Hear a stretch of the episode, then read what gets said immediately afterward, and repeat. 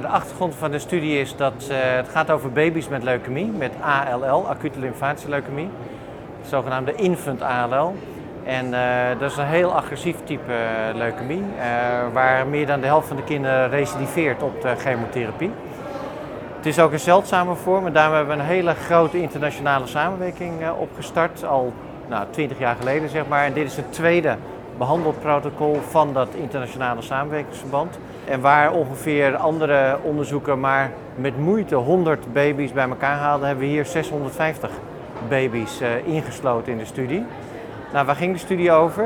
Infant ALL heeft ook myeloïde kenmerken.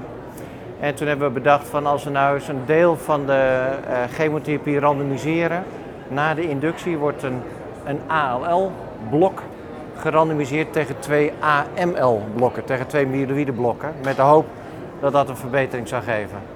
Het resultaat is geen verschil. Geen, geen significant verschil helaas. Maar goed, uh, deze studie moest uh, uitgevoerd worden en het is een studie waar we inderdaad ja, 650 baby's hebben ingesloten. Dus een mega-studie. Uh, hij heeft acht jaar gelopen. Nou, wat zijn de implicaties daarvan? En, daarmee is wel het fundament gelegd voor een wereldwijd standaard behandelschema. En met dit schema gaan we nu op basis hiervan nieuwe randomisaties doen.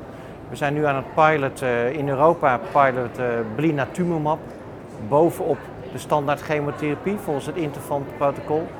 In Amerika wordt azacitidine gepilot, omdat uh, ook gekarakteriseerd wordt door allerlei ja, demethyleringsafwijkingen of methyleringsafwijkingen. En de komende wereldwijde studie is dan bovenop de standaard chemotherapie van het Interfant protocol wel of niet blina, wel of niet azacitidine. dat is de waar we in de toekomst naartoe gaan. En wat we ook gevonden hebben is dat in de West-Europese landen en Noord-Amerikaanse landen de geneziskans ongeveer 10, 15 procent hoger is dan in andere landen. Zeg maar de, ja, je mag het niet zeggen natuurlijk, maar uh, Oost-Europese landen en Zuid-Amerikaanse landen. Omdat de therapie heel intensief is en er zit met name een verschil in de, ja, het aantal kinderen wat aan de bijwerking overlijdt, aan de toxiciteit van die therapie. Nou, dat is in een nutshell het, uh, het Interval 06 uh, protocol en de, de resultaten daarvan.